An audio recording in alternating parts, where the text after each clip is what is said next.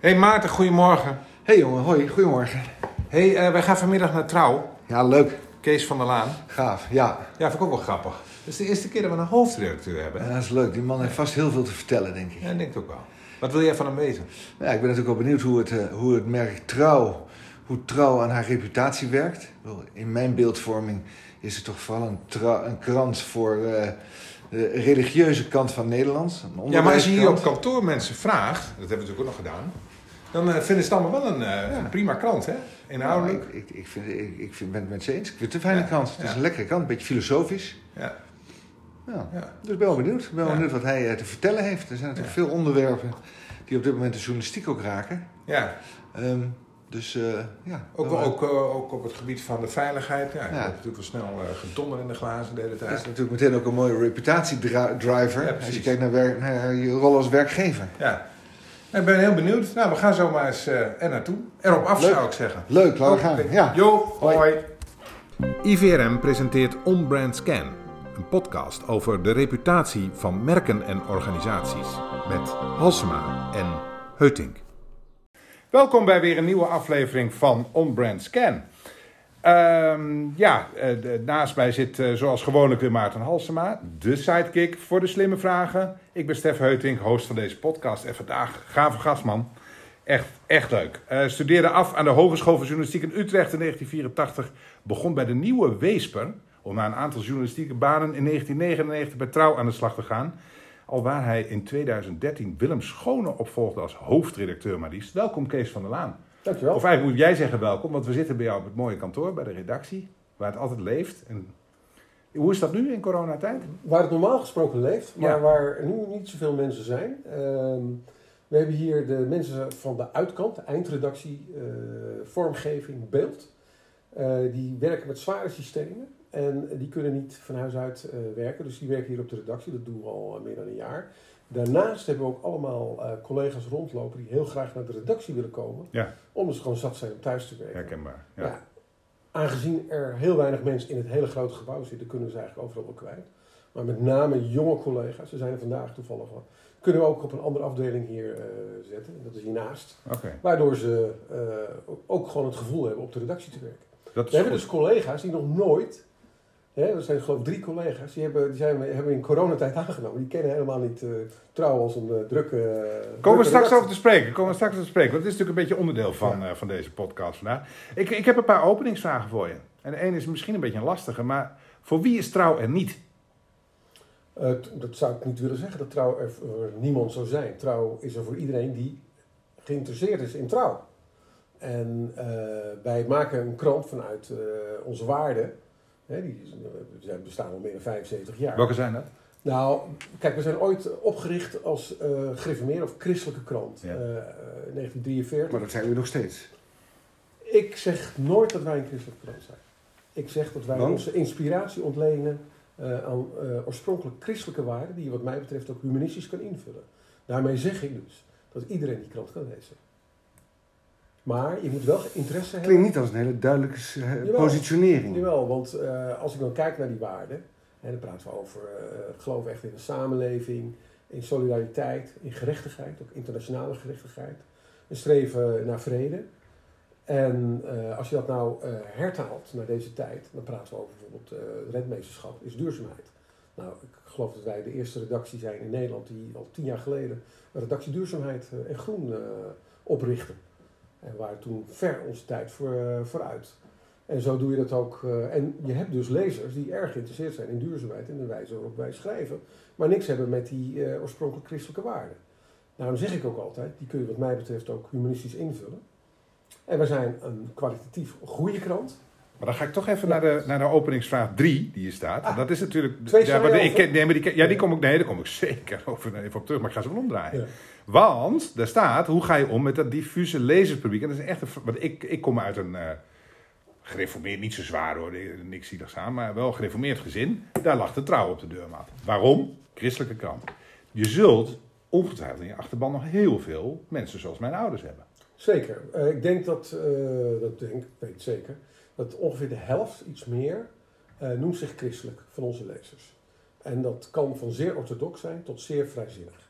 Dus het is een heel diffuus lezerspubliek. Ja, maar als ik dan even op kantoor kijk bij ons, jonge mensen, veel jonge mensen, lezen elke dag alle kranten, moeten ze lezen. Ja. Eh, en die zeggen allemaal, nou, trouw, dat is, eh, die lezen ze graag. Dat is, dat is een heel ander publiek. Dus dat is toch diffuus. Ja, en dat klopt. En eh, dat vind ik ook fijn dat ze dat ook bij jou op kantoor dan eh, lezen. Want dat is ook ons eh, doel om juist ons publiek te verbreden. Ehm, ik zeg wel eens, eh, trouw is met de lezers uit de kerk getrokken. Die secularisering is zeg maar vanaf de jaren 60 begonnen. Eh, versneld doorgegaan in de jaren 80, jaren 90. En wij zijn met die lezers meegetrokken. Maar hoe komt het dan, Kees, dat het toch op de een of andere manier een beetje de smaak van een christelijke onderwijskrant erbij houdt? Ja, omdat eh, het te maken heeft met, met het imago. En het imago is een christelijke krant. En dat eh, maakt eh, een hoop potentiële lezers eh kopschuw. Ze denken, ja, het is een christelijke krant. Maar als je dan daar overheen stapt, dan denk je, hé, hey, wacht even, dit is eigenlijk een heel Hoe keer, hoe keer je dat imago? Nou, doordat wij hebben het zelf nooit over dat profiel. Het Je zijn hebt het altijd over een mensen- humanitair in plaats van een christelijk gereformeerde krant. jullie hebben het altijd, of jullie, de buitenwereld heeft het over die christelijke krant. Wij hebben het er nooit. Je zal in onze marketinguitingen, zul je dat niet tegenkomen. Gaf dat met jouw voorganger bijvoorbeeld problemen? Die, die, dat las ik dus vandaag pas, wist ik helemaal niet, maar die was lid van de CPN. Dat is Die is ooit zijn behoorlijk- jeugd... eh, Is een jeugd, de jeugdzonde van eh, Willem, zeg maar. Ja. Even. Maar, En maar gaf eh, dat problemen nog, eh, hij afficheerde zich ook, dat zei hij ook, dat hij atheïst was, net zoals zijn voorganger. Ja. En toch kon hij hier werken. Dus dat, dat zegt ook wel iets van hoe wij daarmee omgaan. Hebben wij, zijn wij daar, hebben we daarmee een vaag profiel? Nee, ik, sterker nog, ik denk dat wij een heel sterk profiel hebben. Eh, gebaseerd- Sterker dan je concurrerende kranten? Eh, ja, dat denk ik wel, ja. ja eh, net zo sterk bij wijze van spreken als de Telegraaf. Hè, als je het hebt over de Telegraaf, weet iedereen waar je het over hebt. En als je praat over trouw, denk ik dat ook heel veel mensen denken, oh ja, dat is zo'n krant. Ja, dat is interessant. Wa- wa- Ja. wa- Wat zijn dan de kranten waarvan je denkt die bestaan over tien jaar niet meer? Oh, daar durf ik geen uitspraak Waarom over te niet? doen, Waarom omdat niet? Omdat je juist dan in in de jaren 90, nee, in de jaren 90 werd voorspeld dat trouw niet meer zou bestaan. Dat die ten dode was opgeschreven. Sterker nog, als ik oud-collega's sprak, die plakten in de jaren 90 eh, stickers op typemachines. Want ze zeiden van ja, als het tent failliet gaat, dan heb ik tenminste mijn typemachine nog. Zo, eh, zo sterk eh, was dat gevoel. En als je nu kijkt eh, waar we nu staan, dan zijn we een uiterst gezonde krant met een sterk profiel en een groeiend eh, lezerspubliek. Hey, en wat mist de wereld als, dat is de derde openingsvraag, wat, Ja. wat mist de wereld als trouw morgen inderdaad er niet meer is? We stoppen er nu mee. Eh, dat vind ik een hele ingewikkelde vraag. Eh, politici zeggen altijd van op als vragen moet je niet ingaan. Dat wil ik best, eh, maar ik ga er wel op in. Ik denk dat er wel echt traditie, kwaliteit verloren gaat als een krant als Trouw niet zou bestaan. Maar dat geldt ook voor kranten als De Telegraaf of het AD, de Volkskrant of de NRC. Eh, eh, pluriformiteit is een essentieel onderdeel van de samenleving, pluriformiteit van de media. Dat geldt voor radio, televisie en voor kranten.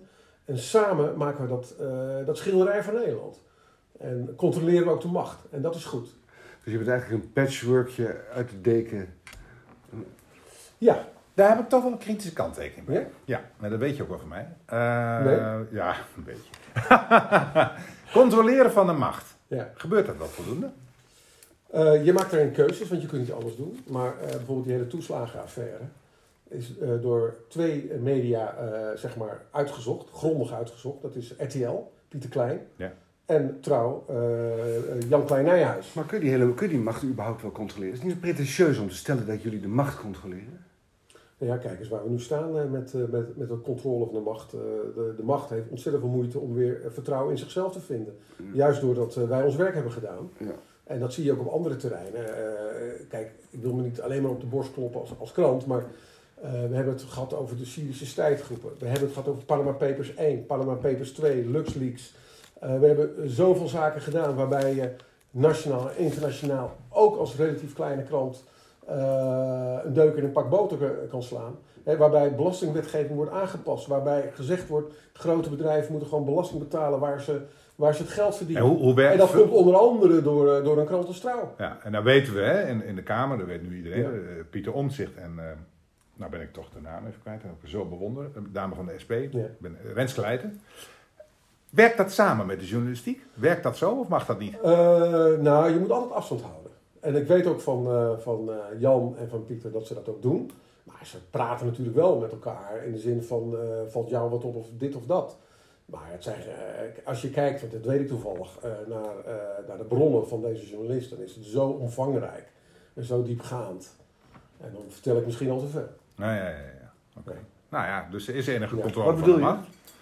Nou, dat, eh, kijk, Renske Leijten en eh, Pieter Omzicht hebben vanuit hun verantwoordelijkheden, eh, hebben zij het kabinet bevraagd op deze toestand, hè, de toeslagenaffaire. Daar zijn ze mee begonnen. Deze journalisten zijn er ook mee begonnen vanuit hun eigen verantwoordelijkheid. Ze zijn het gaan onderzoeken. En zijn gaan speuren en zijn gaan trekken en duwen. Hoe werkt dat? Komen ze dan bij Jan van Kees op? We hebben een leuk onderwerp. eh, mogen we het oppakken? Of, Ja, nou zo gaat het wel. En eh, dit, gaat dit ontstaat ook organisch. Want Jan liep hiermee rond. En is uiteindelijk Pieter tegengekomen. En zijn ze uiteindelijk gaan samenwerken. En dat gebeurt wel vaker. En dat gaat ook prima, omdat RTL is tv. En wij zijn krant. En dat, Dat gaat heel goed samen. het, het- de gedachte van concurreren speelt dan ook helemaal geen, geen rol. Nou ja, dat, dat kun je een rol laten spelen. Maar als je daardoor... eh, kijk, we zijn een relatief... Dus dat zijn er media die dat wel laten spelen? Die Eh, altijd dat denk ik wel. Ik kan niet voor andere media spreken, maar ik, eh, ik weet wel dat dat een rol kan spelen. Maar wij sluiten bondjes. Want dat is de Dus we kracht. zijn de allemansvriend onder de dag. Nee, niet allemaal vriend, want sommige samenwerkingen gaan wel goed en andere kunnen minder goed gaan. Maar wij bijvoorbeeld in het begin van Panama Papers, toen we de eerste keer daarvoor stonden, het ging om, eh, het was, het ging om tonnen eh, qua investeringen in, in mankrachten, eh, op menskrachten en, eh, en in uren en, eh, en in gewoon Van in jullie harde euro's. Ja. En ook, het ging ook om kennis wat we op dat moment niet hadden. En we hadden ook zoiets van, ja, past dat nou bij trouw, hè? eh, banken, en financiën? En eh, toen zeiden wij tegen elkaar, ik weet nog goed, Martijn en ik, nee, we gaan het doen. Het gaat hier om de journalistiek. De journalistiek speelt hier een rol en trouw wil een rol spelen in de journalistiek.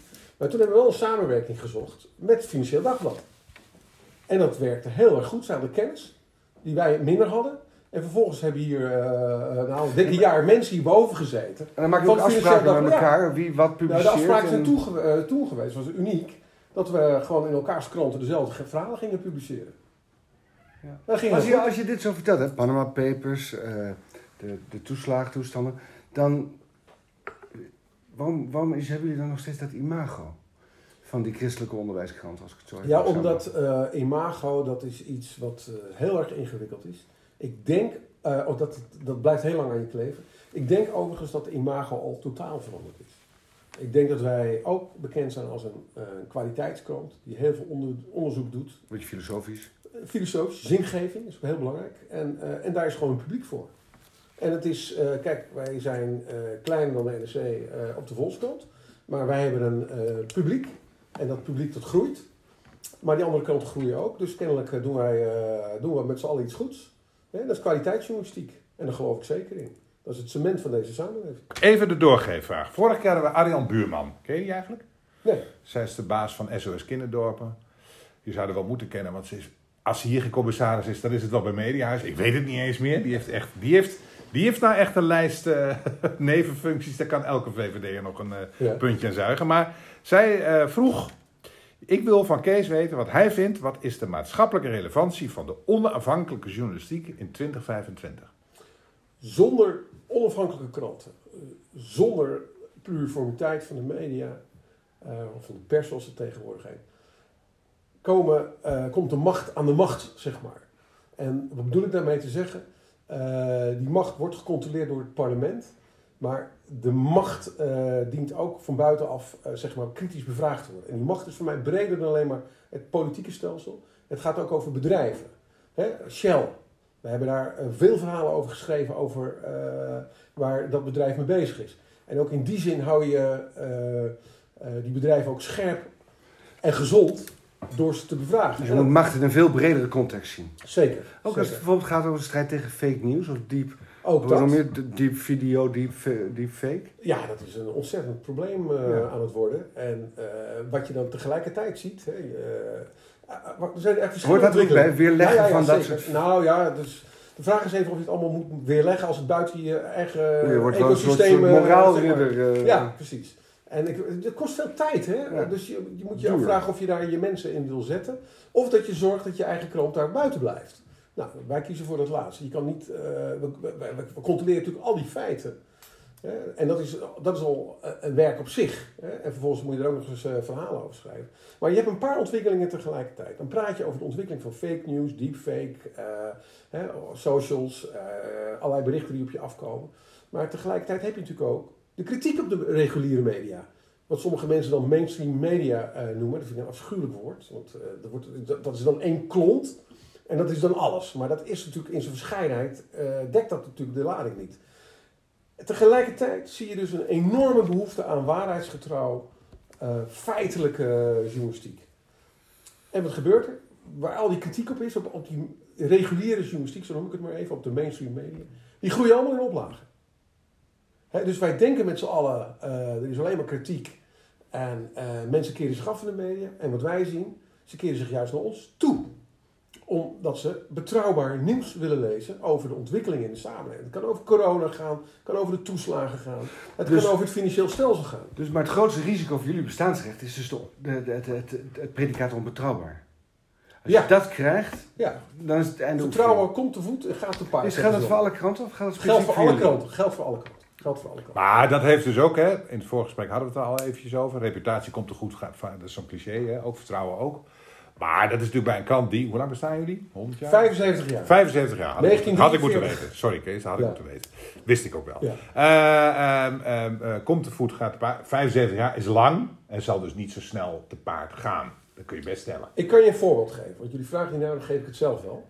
Wij hebben natuurlijk eh, in eh 2014, 2015 hebben wij een journalistieke fraude gehad op de krant. Ja. En eh, dat gaat over reputatie, het gaat over betrouwbaarheid. Ja. En, eh, en wij zagen gewoon, we hebben ook een extern onderzoek laten verrichten door een onafhankelijke commissie.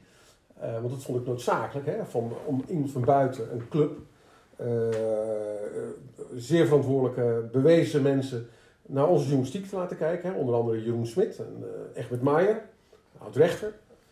En eh, Bert Kremers als secretaris. En die hebben ons helemaal doorgelicht. Die hebben gekeken naar die, naar die fraude. En ook gekeken of wij onze kwaliteitsborging op orde hadden. Dat hadden we niet. En op dat moment eh, gaat het hier ook over reputatie. Mhm.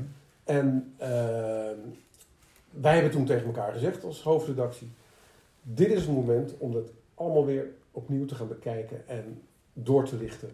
En dat hebben we in de afgelopen jaren gedaan. En een van de, eh, dit is ook een van de, de, de redenen dat we ook in die onderzoeksjournalistiek zijn gegaan. Eh, juist ook om die kwaliteit zeg maar, eh, breder in de organisatie te krijgen. Wij vinden ook dat het overal op alle redacties moet kunnen plaatsvinden. Dus niet, we hebben geen onderzoeksredactie, maar ook het brongebruik. Geen anonieme bronnen, tenzij. Geen eh fake namen, tenzij. En eh, dat is een heel... Ja, dat tenzij. Ja, ja, ja, maar ja, maar... ehm, Kun je het anders niet, krijg je het anders niet eh, voor, voor Nee, voor- omdat er een... Er kan heel snel een gemakzucht eh, intreden bij journalisten of in journalistieke organisaties van nou, het Ja. zal wel goed zijn met die bronnen. Wij zeggen, als jij een anonieme bron gebruikt, willen wij hem kennen. Ja. Want dat was een van de redenen dat het toen mis is gegaan. Maar jij wil hem kennen Wij, als hoofdredactie. als hoofdredactie. Ja. Maar je bent er wel ook weer, kom ik misschien nog wel even op, maar daar moet je ook zuinig mee zijn, want dat kan je, daar kan je niks mee, toch? Verder. Anders dan dat jij het weet. Dan dat weet jij dat goed zit. En dat het dus daarmee geborgd is. De kwaliteit. Omdat... eh, Maar een beetje een eh, ZZP-journalist, ik neem maar dat je die ook hebt, die zal toch zeggen, ja, ik ga dat, niet, dat ga ik niet eh, prijsgeven aan jou. ja, dan komt het verhaal niet in de krant. Oké. Ja. En dat Dus doet jij pijn. bent Dat doet tot altijd- de dag van vandaag pijn. Wij kunnen bepaalde dingen niet doen, omdat wij eh, toch het eh, brongebruik niet voldoende kunnen eh, controleren of transparant krijgen. Ja. Dus jij bent ook een chef moreel. moreel moraal. Nee, het is geen moraal. Het, het, het, het, het heeft te maken met eh, journalistiek. En dat je lezers, die willen... eh, die hebben een hekel aan anonieme bronnen. Want dan kunnen ze namelijk zelf niet controleren. Hey, even hè. Nee, want nee, wacht Ja. even. Je, was- je was nog niet klaar. Nee, want nu heb je dus, dat is doorgelicht, je hebt verbeterd. Ja. Is goed nu. Eigen keurmerk of is nou, is er, zit er een keurmerk op? Nee, dat is geen keurmerk. Er is geen journalistiek keurmerk. Nee. Hey, maar we hebben het over reputatie vanuit een negatief perspectief. Ja. Op het moment dat er een issue of een crisis is, dan werk je aan je reputatie. Maar in mijn beleving kun je ook continu bouwen aan je reputatie. Je reputatie versterken. Wat doen jullie daarvoor? Nou, Los de- van We journalistiek. hadden het net over eh, dat jullie zeiden van eh, dat zeg maar imago, is, wat, is misschien wel vergelijkbaar met, eh, met reputatie. dat wij nog steeds een christelijke krant zijn, of een christelijk krantje, zoals het dan ook wel wordt neergezet. En ik denk dat onze reputatie in de afgelopen jaren alleen maar is verbeterd, ook door de manier van journalistiek bedrijven. En dat, eh, dat mensen ook zeggen, nou, dat is gewoon een goede krant. Ook mensen die heel weinig affiniteit hebben met de achtergrond van die krant. En dan toch denken, ook door mond-to-mond reclame, maar, ook dan- doordat we in de media zijn. Is het dan alleen je, repu- wordt je reputatie alleen bepaald door de kwaliteit van de journalistiek? Of is er ook nog iets als merkbeleving? En Ja, is er ook nog iets als Het is ook vormgeving? Precies, het gaat over vormgeving. Wel. Het gaat over de manier waarop je dingen, over dingen schrijft. Eh, het gaat eh, over, over welke onderwerpen je schrijft.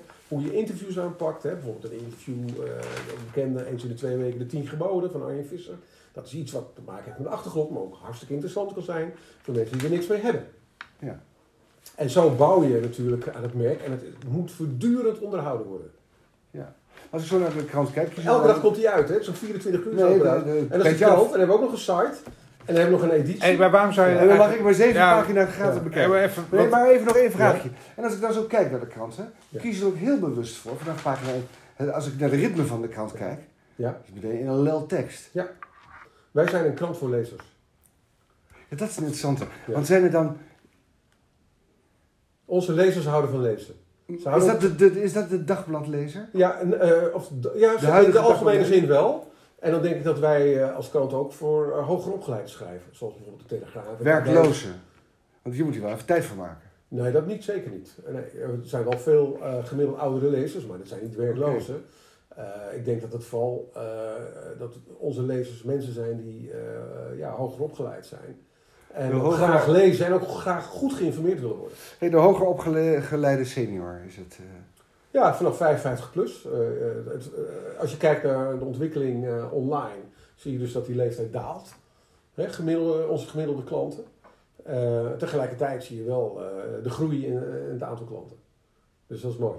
dus er is geen... hoeveel, hoeveel oplagen hebben we nu over? We hebben nu een betaalde oplage, dat noemen wij tegenwoordig klanten, omdat je het zo gedifferentieerd is. Ja. Je hebt mensen die papier lezen, je hebt mensen die alleen de website lezen, je hebt mensen die de eh, digitale krant lezen.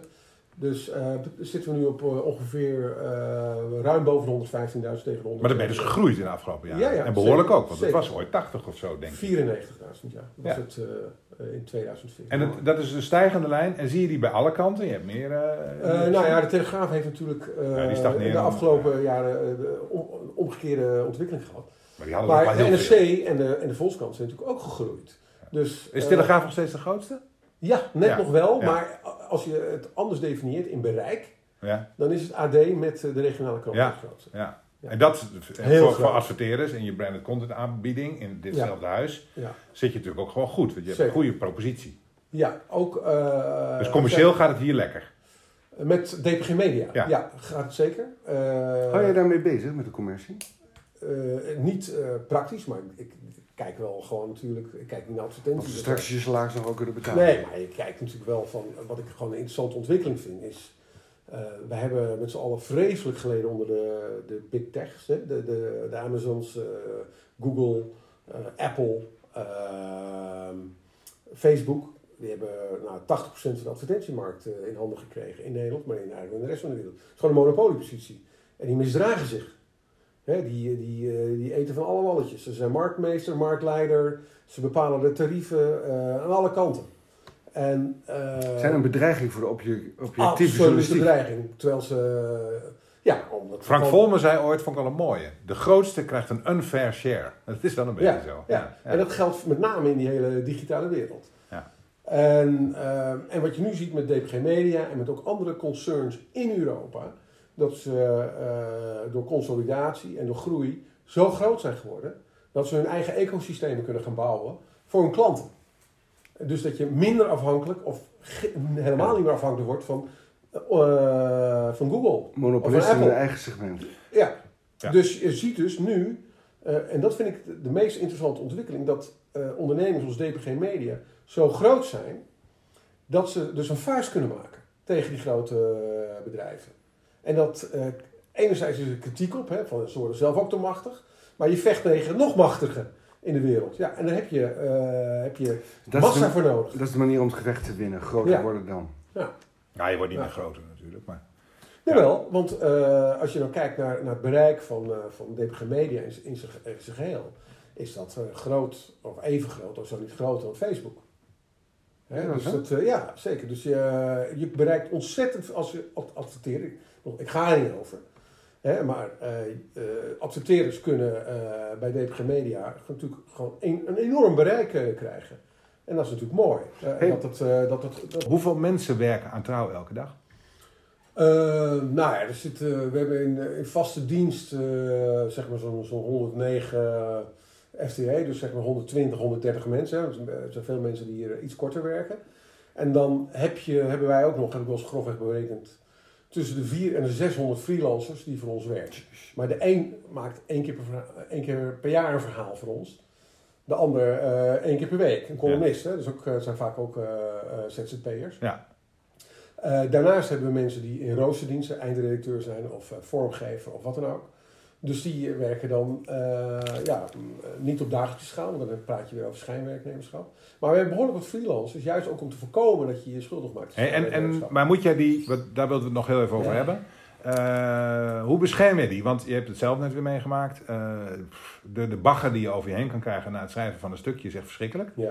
Hoe gaat dat? Worden mensen daar banger van? Eh, Eh, ja, dat kan. Dat kan. En eh, als dat zo is voor freelancers of voor mensen in vaste dienst. eh want toevallig vanochtend nog hoorde ik nog iemand die geadviseerd werd tussen aanhalingstekens om een wijk uit te gaan. En eh, een Ja. verslaggeefster. En eh, ja, dan, eh, we hebben daar eh, we hebben hier allerlei eh, veiligheidssystemen intern. Eh, we hebben nauw contact met, eh, met een wijkagent. En, Om de veiligheid van je personeel te Ja. borgen. ja, ja, ja. En we hebben ook eh, iets eh, wat ook van de NVA is, persveilig. Mhm. En daar kun je ook, eh, zeg maar, eh, je bezorgdheid kwijt of, of, of eh, klachten over, over bedreigingen of wat dan ook. Maar wat maakt je nou voor je wat maakt dat jullie zo'n fijne werkgever zijn? Los van die policies. Nou, eh, door gewoon eh, fatsoenlijk te betalen, eh, dat in de eerste plaats. Maar in de tweede plaats ook een veilige eh, omgeving te bieden. Of een omgeving alleen maar veilig kan zijn als je ook nog eisen stelt, dat weet ik niet. Hè? Dat is altijd een ingewikkeld spanningsveld, want soms moet je ook gesprekken met mensen aan. eh, waarbij, eh, ja, eh, ik zeg wel eens, iedereen die bij trouw werkt heeft talent. En als we het talent even niet zien, dan gaan we weer met elkaar op zoek naar dat talent. Ja, en, ja, en dat, is niet altijd, dat kan niet altijd veilig zijn. Dus inderdaad, Stef, journalistiek is niet voor bange mensen. Maar Nee, dat is algemeenheid, denk ik. Voor als je ergens werkt, ja, de werkgever mag wat van je verlangen. Maar jij mag ook wat van de werkgever verlangen. En eh, dat is enerzijds een veilige omgeving. eh, waarbinnen je dan optimaal eh, zou moeten kunnen presteren. Maar veiligheid is hier dus wel een iets andere betekenis dan bij een reguliere organisatie. En ik definieer ook, zeg maar, wat wij als hoofdredactie doen. Dat noem ik wel eens faciliterend management. Omdat wij bij de krant, en ik denk dat Trouw daarin niet uniek is, te maken hebben met ongelooflijk creatieve, intelligente, eh, geïnspireerde mensen. Die je vooral moet adviseren en begeleiden. En eh, niet moet gaan vertellen wat ze moeten doen. En, eh, want dan gaan ze dwars liggen. Het zijn heel autonome mensen. Dus het leiden van, een journalistieke organisatie vind ik zelf ook altijd wat anders dan het leiden van een gewoon bedrijf. Waarbij je bij wijze van spreken iedereen in het gelid kan zetten. Nee, dit zijn zeer maatschappelijk bewuste, ja, fijne, creatieve krachten. Eh, wat heel boeiend is, maar wat soms ook heel erg ingewikkeld Dus is. zou je zo bij een communicatiebureau kunnen gaan werken. Dat weet ik niet. Maar, Dat klinkt een beetje als dezelfde dynamiek. Ja. ja, ja, ja, maar het is ook spannend. En ik kan me dat ook voorstellen als jij eh, met eh, tegelslichten bezig bent. En, eh, en dan zou bij wijze van spreken zomaar een, eh, een chefje zeggen van... ja, jij, jij gaat ermee stoppen, want jij gaat dit verhaal voor mij tikken. Dat is ingewikkeld. Dat is een samenspel. Dat is een journalistieke organisatie. hey, Daarom slotvraag. heten wij ook geen directeur, maar gewoon een hoofdredacteur. Dat is gewoon anders. dat zou misschien wel beter zijn. Ehm, voor andere organisaties Ja. natuurlijk. Eh, slotvraag. Eh, voor Peter Kuipers, volgende keer in onze podcast. Bestuursvoorzitter van KRO NCV. Heb je een leuke vraag voor hem? Jazeker. Eh kijk, de televisiewereld, Hilversum, om dat zo maar te noemen, wordt gedomineerd meer dan ooit door de kijkcijfers. Hoe houdt hij zijn profiel als, als een zeer geprofileerde omroep, hè, NC- NCV, KRO, overeind als er alleen maar een race eh, voor de kijkcijfers is? Nou, goede vraag. We gaan het vragen. Dankjewel, Kees. Dankjewel. Ik had nou zo weer zo'n leuke vraag te pakken hier. Ik denk, oh, we toch even terug naar jouw abonnementen terug. Zo mensen, dat was weer een leuk gesprek met een nieuw format en allerlei andere leuke dingen. Nou, ik zou zeggen, eh, deel, like, share, eh, doe wat je moet doen. Uh, luister de volgende keer weer, want dan hebben we dus Peter Kuipers van KRO NCRV. Dat is een oude bekende en uh, ik ben wel heel benieuwd uh, hoe dat dan wordt. Dag.